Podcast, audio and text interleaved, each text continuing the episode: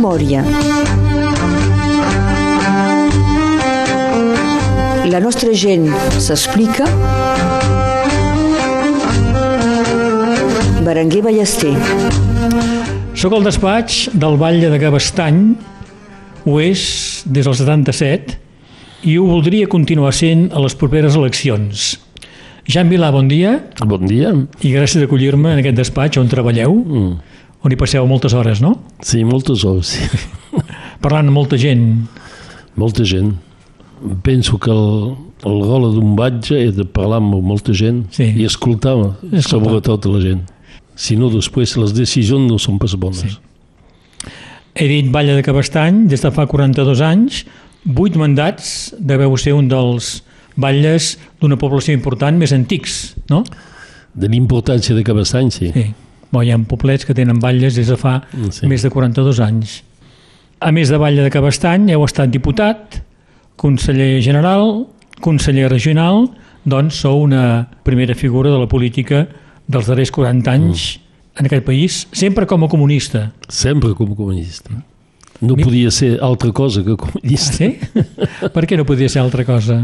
Perquè la cosa que sento la més apropiada amb la gent, la més honeta de tots i que té una, una vista per l'avenir, més si és difícil ara, eh, un avenir sense comunista no és possible. Mm. Fa 40 anys era més fàcil ser comunista, no?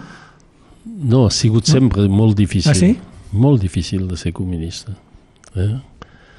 Perquè ser comunista és l'expressió d'una d'una societat que volem i que molta gent no volen pas. I aquests que governen avui, aquests que governen són el, el món de la finança que governa. Mm -hmm. No volen pas sentir parlar dels comunistes. Ens explicareu com comença aquest engajament aquest enganjament polític. Més abans parlarem de la vostra família. Jean Vilà sou un, dels, un de tants fills de la retirada que hi ha en aquest país. Mm. Tant la mare com el pare van fer la retirada al febrer del 39. 39. Mm. Però bon madama. Ho explicaven ells, això? Ho van explicar molt tard. Mm -hmm. I la primera nit que van passar, van passar per Bourmadama i van ser, com diuen en francès, acollir dins un prat al costat de a Cal de Gas hi havia neu i era la nit. I la primera nit que vam passar en França va ser la, dins un prat de Cal de Gas. Després van ser despatxats, no, com no hi havia criatures, eh? era, era pas nascut jo en 39, sí. nascut en 41, 41. en 41, fi 41. El meu pare va anar a Perpinyà, la meva mare dins un camp dins la Rieja, o dos anys després vaig, vaig néixer. I el pare va passar també per un camp?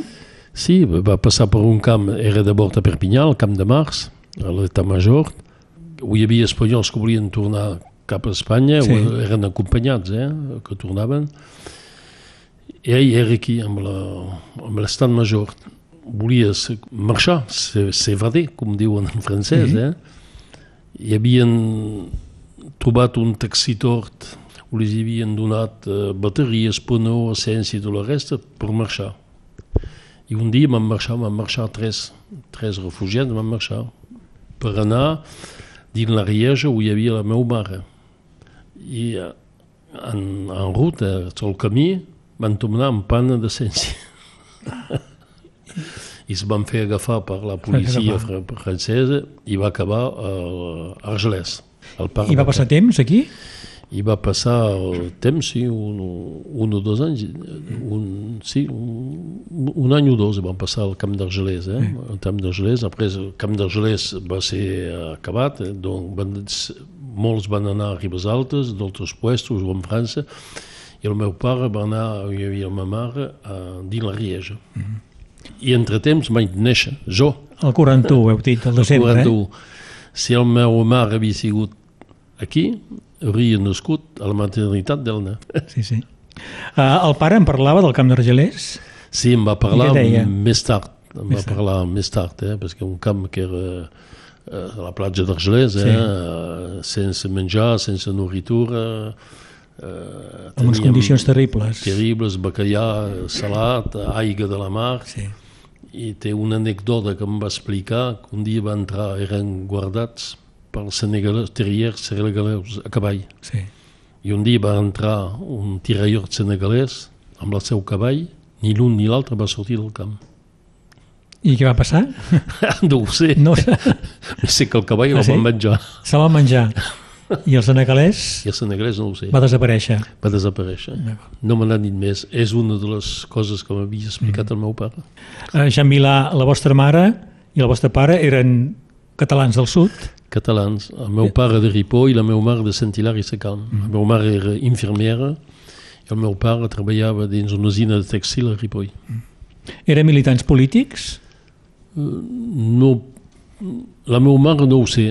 No ho sé. Eh, I el era pare? mili- El meu pare era un poc eh, anarquista de la FAI. Eh? Sí. Donc, es van rencontrar a Barcelona i, i va començar una història. El pare anarquista de la FAI i vos comunista. Més tard, Dues visions diferents, eh? sí, me vaig aprendre ja molt tard. Mon pare era fill de... eren 14 de família. I un dels meus oncles, un dels seus germà, vaig aprendre que la guerra d'Espanya era és mort a 19 anys eh, en els combats, era comunista. I ho sé depuis pocs anys. C'est un joli nom, camarade. C'est un joli nom, tu sais, qui marie cerises et grenades au sang fleur du mois de mai. Pendant des années, camarade, pendant des années, tu sais, avec ton seul nom comme aubade, les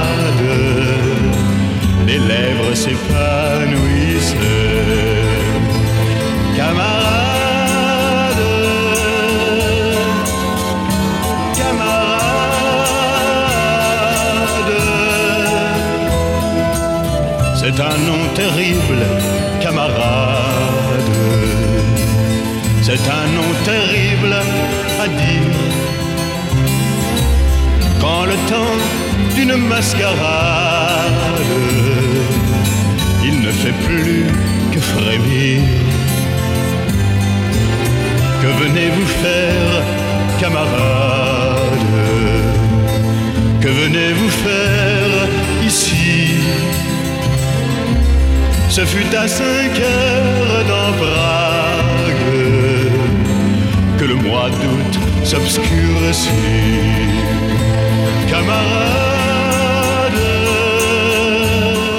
Jean Milà, vos naixiu el desembre del 1941, El 21. el 20 de desembre, a l'Arieja, on hi ha la vostra mare, i el pare, doncs, l'ha anat a trobar. A quina va ser la vostra primera escola? La primera escola a Bordeus. A Bordeus. Sí, perquè el meu pare va sigut requisicionat pels alemans i treballava una base submarina a Bordeus.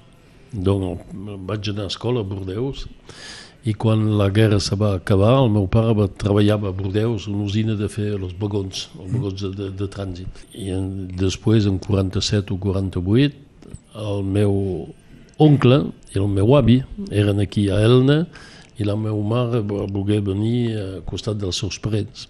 I veu venir aquí, Van venir aquí i la família s'instal·la al Mas Pelegrí. al Mas Pelegrí, casa d'una tia major, una germana de la meva mare, se van instal·lar aquí. Entre temps, quan estàvem a Bordeus, el meu pare va tenir una ofre per anar, com molts refugiats, anar al Venezuela. I la meva mare no em va voler, va voler venir amb els seus pares aquí. amb A Venezuela, a treballar. pare. A treballar, Sí. a, a viure, com molts, sí, eh, sí, molts sí. refugiats van partir a Va, va anar Amèrica. cap a Amèrica, sí. i eh, tenia una plaça per hauria pogut néixer al Venezuela o viure O viure més aviat en aquest cas. eh, perquè sí. era, era, era, Hi havia una ja. sí. Sí. Uh, doncs aneu al Mas Pelegrí, la família. Vos teniu, què, sis anys, no? sí. Uh, en aquell moment al Mas Pelegrí no hi havia el Museu de l'Aviació ni el Ah, Centre no, no, Eqüestre, no, no, no, era un no. mas agrícola. un mas agrícola molt important eh? Sí. molt important I el pare i la mare treballen com a pagesos aquí, com a, el meu com a pare, obrers agrícoles. el meu pare i la meva mare ho feia per sempre eh? anava a, collir xerments, les breves a posar a sufre però després tenia una activitat perquè sabia planxar, eh, cuinar, eh, com se diu, cudre. Eh? Sí, cosir, cosir, cosir sí. eh? que sabia cosir, doncs treballava tam- tam- també així. Quin record teniu d'aquell Mas Pelegrí? Teniu 6 anys, 6, 7... Treballàveu també al camp, vos, de, de, no, de petit? no, no, no, no. A part de fer les bremes... Ah, bremes sí que fèieu. Sí, i, ah. i, ho feien de bona hora.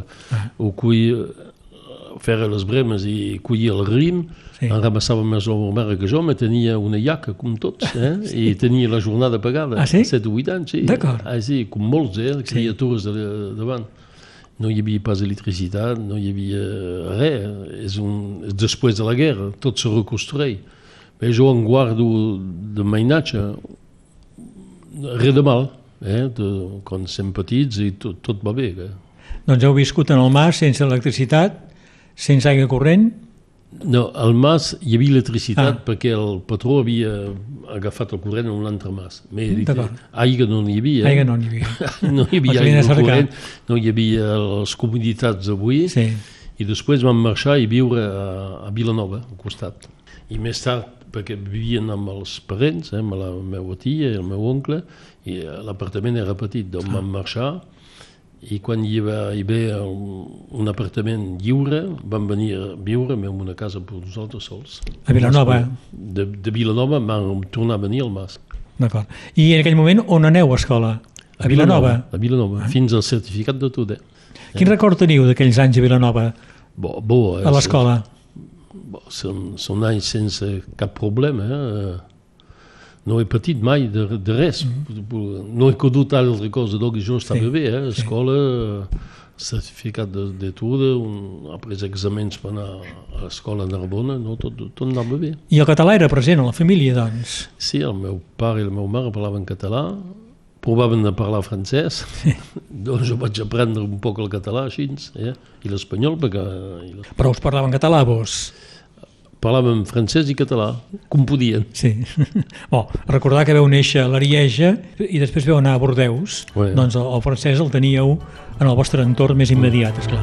On n'oublie rien, de rien on oublie, rien du tout on oublie, rien de rien on s'habitue, c'est tout. Ni ces départs, ni ces navires, ni ces voyages qui nous chavirent de paysage en paysage et de visage en visage ni tous ces ports, ni tous ces bars, ni tous ces attrapes cafards où l'on attend le matin gris au cinéma de son whisky. Ni tout cela, ni rien au monde ne sait pas nous faire oublier, ne peut pas nous faire oublier. Qu'aussi vrai que la terre est ronde, on n'oublie rien. De rien on oublie, rien du tout. On oublie, rien de rien. On s'habitue, c'est tout. Ni c'est jamais, ni c'est toujours, ni c'est je t'aime, ni ces amours que l'on poursuit à travers cœur de gris en gris, de pleurs en pleurs ni ces bras blancs d'une seule nuit, collier de femmes pour notre ennui, que l'on dénoue au petit jour par des promesses de retour. Ni tout cela, ni rien ne sait pas nous faire oublier, ne peut pas nous faire oublier, aussi vrai que la terre est ronde, on n'oublie rien de rien, on n'oublie rien du tout, on n'oublie rien de rien, on s'habitue, c'est tout. Memòria a Ràdio Arrels amb Berenguer Ballester. Avui faig memòria amb Jan Vilà, som al seu despatx de Batlle, aquí a, a Cabestany. Ja sabem coses de la vostra família, el pare i la mare, que van fer la retirada el 39. Veu anar a viure al Mas Pelegrí, on van treballar, doncs, eh, fèieu baremes i mm. van treballar la, la terra. Veu anar a escola a Vilanova de Raó. Podeu fer estudis o heu treballat de seguida, vos? No, vaig fer estudis, era difícil perquè costa diners a fer Sí. estudis. Doncs vaig passar un CAP de gestor a Narbona, en pensionari, amb les, no costava res a la família perquè tenia una borsa, doncs sí. no costava res, doncs vaig passar un certificat de gestor, un CAP de gestor Un CAP. a Narbona. Crec que volíeu ser cirurgià. Sí, És veritat, jo volia, això? sí, sí, sí, Sí. La, meva, la meva mare era infermera. No sé si és això que ho treballava, sí. però jo el que volia ser, ser metge, però sobretot cirurgià. D'acord. No possible. I amb aquest CAP aneu a treballar a la fàbrica Patates Vilà Sí. Als 17 anys. A 17 anys, he entrat a les popes des là. Sí. I després, bon, après hi ha l'armada, eh? vaig partir perquè era, era espanyol i per devenir francès me calia fer el servici militar a França. Donc vaig optar per ser francès i fer la- l'armada. La, era el moment de la guerra d'Algèria. Mm -hmm.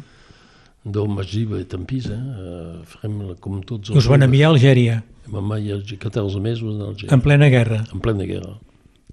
Com viu un jove de 20 anys Mal. aquella situació? Mal, Mal. La, la guerra és una cosa molt dolenta, Sí. no cal que hi hagi guerra.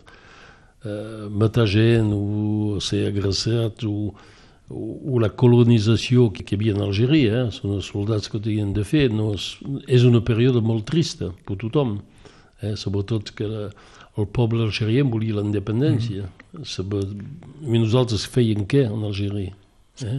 Defendre la, els rics, la colonització, eh, no és possible. El moment d'independència de l'Algèria, doncs l'Algèria se va acabar, en 62 hi va haver el cessez-le-feu i, i poc temps després vaig rentrar a França. Doncs aquí ja teniu consciència política, vos. Sí, Sí. bé, comença... Bo, I com comença aquesta consciència política? bé, comença un poc a casa, perquè els meus pares sí. eren antifeixistes contra Franco, eren republicans espanyols, doncs això que ho vulguin o no, eh, un jove com jo Sí. eh, treballava. Després, les condicions de vida, eh, ser a l'usina, veure com se passa, és la millor escola de la vida, això, eh? Sí. de ser dins una usina i treballar. Perquè quan torneu d'Algèria, s'acaba el servei militar, torneu a treballar a Vilà. a Vilà, torni a treballar a Vilà.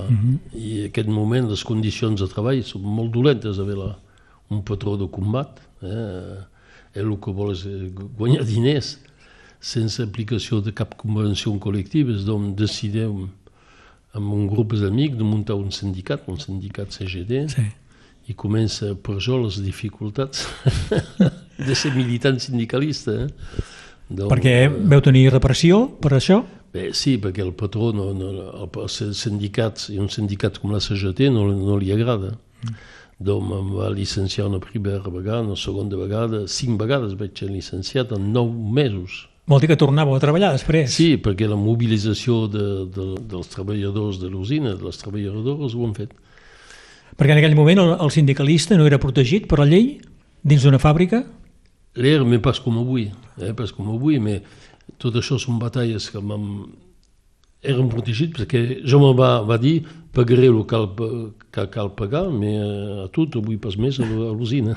I les coses... I vos especialment o hi havia d'altres també? És a dir, era un, un dels líders sindicals de, la, Voilà, de Vilà? Jo, jo és el que he sigut licenciat més sovint, eh? Sí. i definitivament, però tots els delegats dels sindicats van ser licenciats. I la meva dona també, deia, perquè era de, de la, També treballava a Vilà. treballava de Vilà. Al puesto on l'he conegut. Doncs era també engatjada sindicalment ella. Sí, Finalment us llicencien del tot del tot. i entreu a treballar al treballador català. No, primerament, petit treball, eh, el xomatge. Hi havia poc xomatge dins del departament. Eh? Uh, hi havia quatre- 400 xomers dins del departament, pas 40.000 com avui, hi havia 400. Doncs vaig començar a treballar un poc, eh, petits treballs, i després el treballador català, mm, que vaig conèixer pendant la batalla dels popers Belà, va dir busquem qualcú per fer la publicitat del treballador català. Mm. Doncs vaig entrar al treballador català. Perquè és a Vilà que us heu fet comunista, Me va molt ajudar a devenir comunista. Eh? Perquè, bon, primer del CGT i després del Partit Comunista. Sí, eh, la CGT no respondia a tot el que volia i vaig trobar dins el partit tot el que es eh, volia. De militant comunista de base, en pocs anys, participareu a la direcció departamental del partit. Bé, a poc a poc. Com ho feu, això? jo faig res. El meu engatjament fan com em vam proposar, a poc a poc, d'agafar responsabilitats i pocs d'anys després vaig trobar la direcció del Partit Comunista. Mm -hmm. Pas la principale direction, mais membre de la direction du Parti communiste. Ah, ils nous en ont fait avaler des couleuvres, de Prague à Budapest, de Sofia à Moscou, les staliniens zélés qui mettaient tout en œuvre pour vous faire signer les aveux les plus fous. Vous aviez combattu partout la bête immonde, des brigades d'Espagne à celles des maquis, votre jeunesse était l'histoire de ce monde. Vous aviez non Kostov ou London ou Slansky. Au nom de l'idéal qui vous faisait combattre et qui nous pousse encore à nous battre aujourd'hui.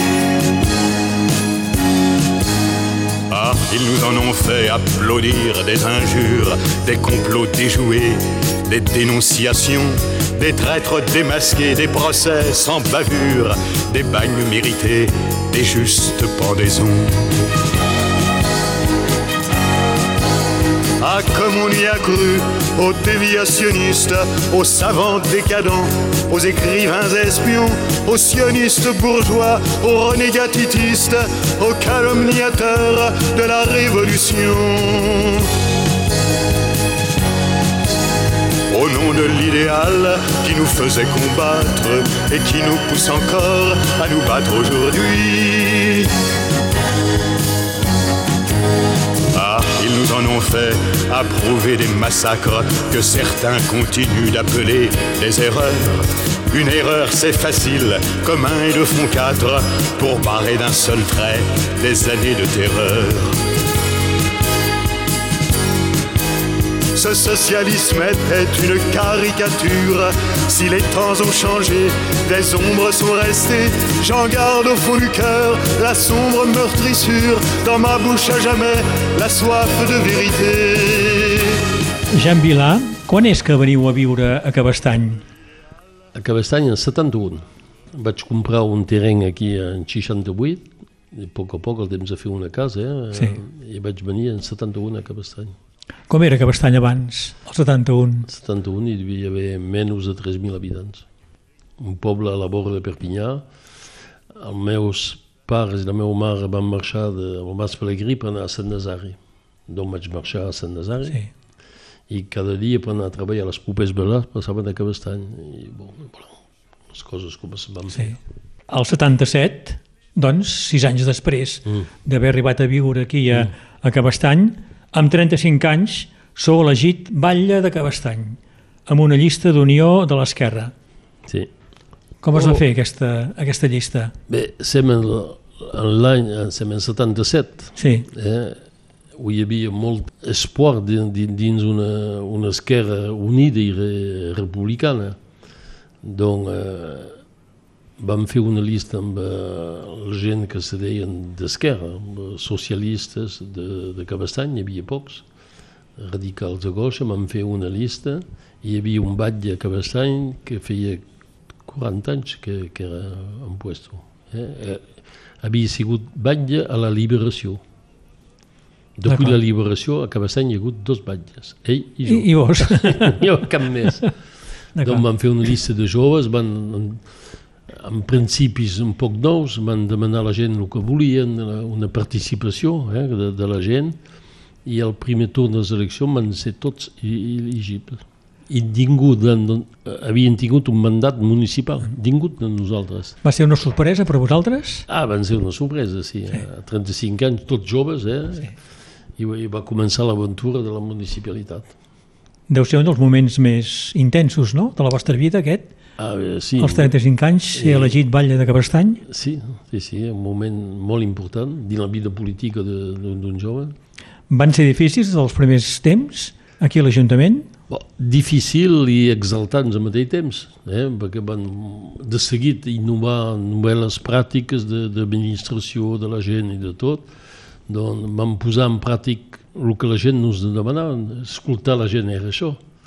Donc vam posar en pràctic el que ens demanaven i, i dura depuis 42 anys.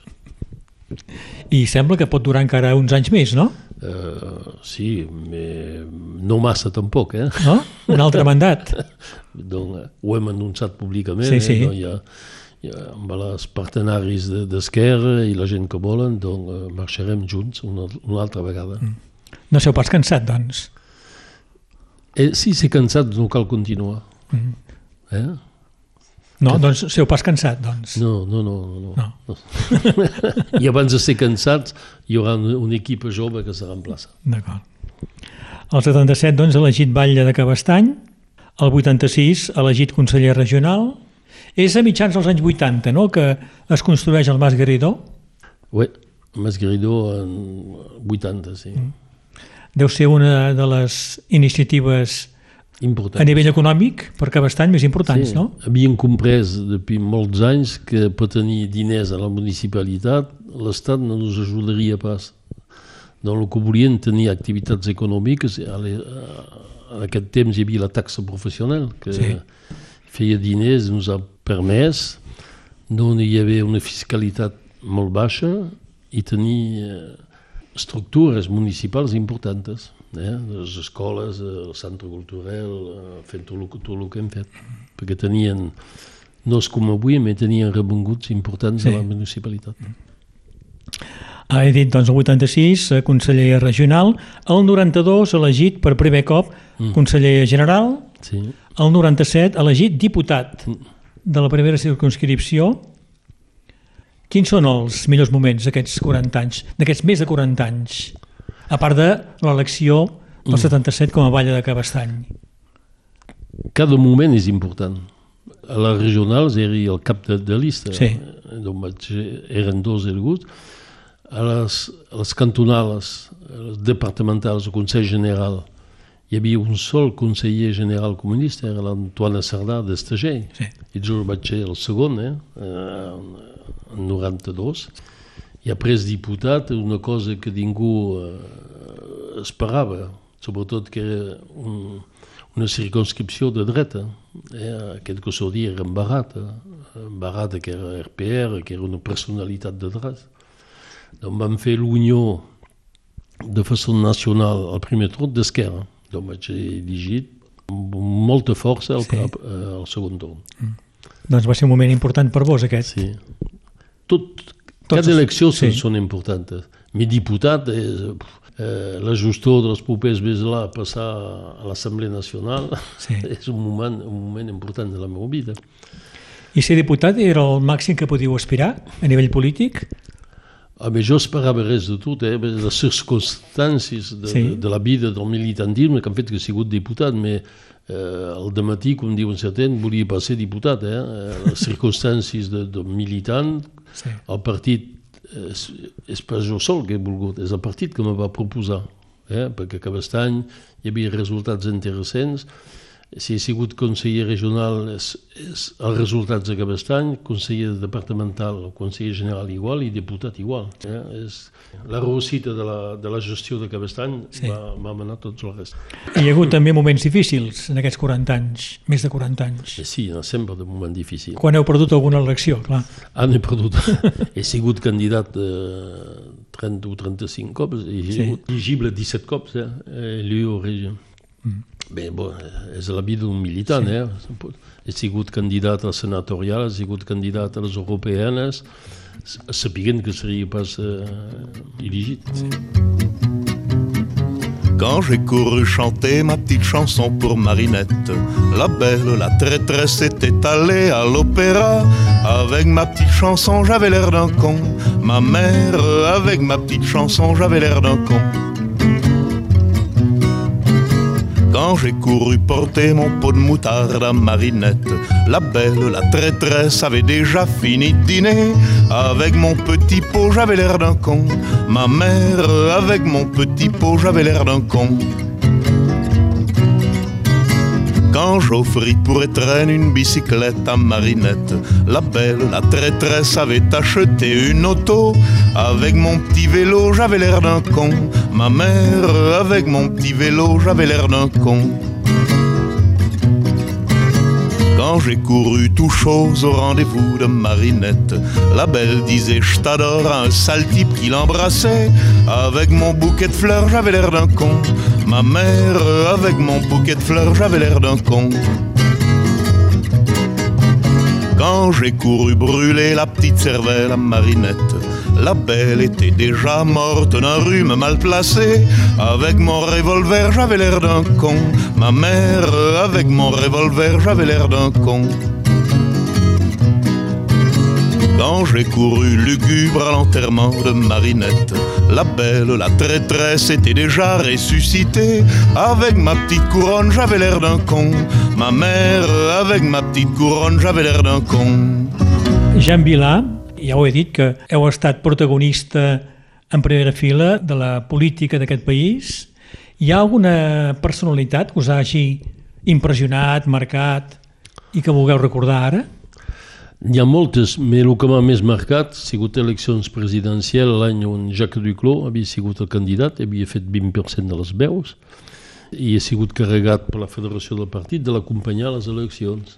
Donc, un home eh, conegut de tota la França, un home com es podia parlar com un amic que deia coses interessants, doncs primer va ser en Jacques Duclos. Després he conegut eh, amb les eleccions el primer diputat d'aquest departament, el Leo Figueres, que era de, de costat de Prades, que cada cop que he sigut elegit me telefonava per poder ajudar. I després bo, he conegut en Georges Marché, eh, doncs el dernier míting important que va fer en una campanya electoral el va fer aquí a Cabestany. Són les personalitats que m'han més marcades eh, per l'atenció que portava el jove comunista que sí. era jo. Jean Milà, teniu la memòria fresca perquè acabeu de publicar un llibre mm. escrit amb Luc Malapeira mm. sobre la vostra vida doncs tot això que ens heu explicat ara ho expliqueu també en mm. aquell llibre que ha publicat Balzac Editors mm. un llibre que expliqueu moltes coses mm. no tothom serà content, no? amb el que dieu en aquell llibre, no? No, he volgut fer aquest llibre per dir les coses un poc de la vida sí. i per dir sobretot als joves que ha pas menester de fer l'Escola Nacional d'Administració, l'ENA, pot tenir un rol important en la vida política. Jo tinc un CAP de gestor i he pogut ser tot el que he sigut. Mm -hmm. Però sobretot per dir també l'ajuda que hem portat als, a la República Espanyola després que el Partit Comunista, de la guerra d'Algèria, dic certaines coses, l'ajuda a les popers més là, però també el que he viscut políticament per 40 anys. Coses que ningú n'ha volgut dir i que calia dir un dia i comprint el comportament d'amics d'esquerra que nos han moltes traïsons doncs ho he explicat tot això. Els noms hi són eh? és conegut de la política del departament però ningú eh, dirien que ho volen amagar això. I jo que el temps que es viu avui cal que la gent sapiguin també que la política cal que sigui neta, propra, eh, honeta i que l'ha pas sigut sempre. I explico certaines traïsons dels nostres amics d'esquerra del Partit Socialista. Explico també tot el que ha pogut fer la dreta d'aquest departament i dic moltes coses. Parlo de Jacques Ferran, que el deien el parenc de Sant Jacques, ho explico, i ho del coses així. Mm -hmm. Diu, un moment donat ho cal escriure. Hi ha coses que ningú ha volgut dir, doncs ho faig dins, el, dins aquest llibre. Estem un moment on la gent vol molta veritat i cal pas amagar perquè hi ha eleccions i coses. Doncs jo ho he dit, avui ningú m'ha contradit eh, mm -hmm. sobre el que hi ha descrit. En voleu parlar ara a Radio Arrels d'aquestes traïcions? No, és que... O deixeu que la gent llegeixi el llibre? Sí, sí, sí que vagin a buscar, a buscar, però... Mm. Ah, no, això... No, no. Hi ha moltes coses que la sí. gent comprendran com, com que fan el llibre. Cal deixar un poc de suspens perquè el compren. D'acord. Jan Vilà, per acabar, us he demanat uh, algunes músiques per acompanyar aquesta memòria, mm. aquesta emissió, i m'heu dit uh, aquests cantants enganjats que diuen mm. quelcom. Mm. Sí, cantaires que diuen dins les paraules hi ha algo que, es, que pugui ajudar a comprendre. Sí. Eh, he conegut en Jean Ferrat, o totes les cançons és, són molt importants. L'ha conegut personalment? L'he conegut personalment. Va venir a inaugurar el centre? No, no, no, no va poder. Els bascos em van ah. enviar una, una lletra que no podia venir, estava ja un poc, un poc malalt. Sí. Eh, una qualitat que avui tothom li reconeix, però per sempre. Ho, ho ha dit moltes veritats, sí. eh, moltes coses. Uh, gent com Jacques Cabrel, com gens així, que, que, que la cançó vol dir que, sí. una cosa, no sóc molt músic, però eh, gent així marquen l'història, com Georges Brassens, sí. eh, eh, tot, tota aquesta gent, cada paraula compta. No canten per no dir res, com hi ha cantaires moderns igual, però no sóc molt, eh, no escolto molt no, la música. D'acord doncs haurem escoltat algunes cançons ah. d'aquests cantants, Jean Ferrà, Jacques Cabrel, Brassens. Brassens, eh? sent gent importants, quan era jove, que eren eh, bon, amb 20 anys, jo, sí. 20-25 anys, voilà, són la gent que escoltaven molt. Mm. Jean Ferrà més tard. D'acord. Jean Vilà, gràcies d'haver-me acollit aquí al vostre mm. despatx de Vall de Cabestany mm. i d'haver explicat eh, tot això, mm. d'on veniu familiarment mm. i tot el vostre recorregut. Mm. Recordar que hi ha aquest llibre si la gent vol més detalls. Sí, tot un llibre que heu fet a, a Balsac Editors. Sí, va, ho, vaig, és, ho vaig tot escriure i em vaig fer ajudar per Luc Malapera, que sí. és jornalista, perquè no sóc escrivent, eh? Però per posar les coses a l'endret tinc menester de qualcú que, que, que coneixin més bé l'escriptura, no em va ajudar per això. Més... I com ho heu fet? Doncs heu explicat coses no, vaig al periodista? Es... Ah, heu escrit vos? Ah, tot escrit, eh? D'acord. I ell? No, no a l'ordinador, a la mà. Ah, a la mà? a la mà. Vaig molt llegir, sí. eh, per no dir bestieses i coses que són veritables, molt de temps de lectura, i en Luc Malapera me va, va ajudar a posar tot això mm. correctament.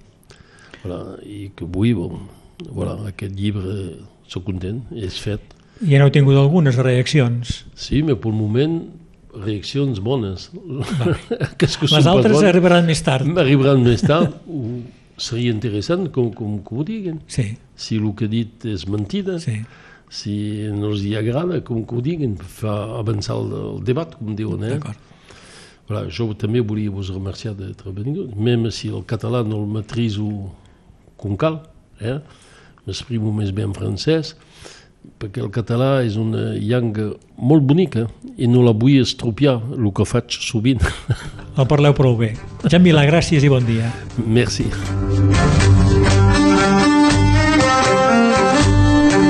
Memòria. La nostra gent s'explica.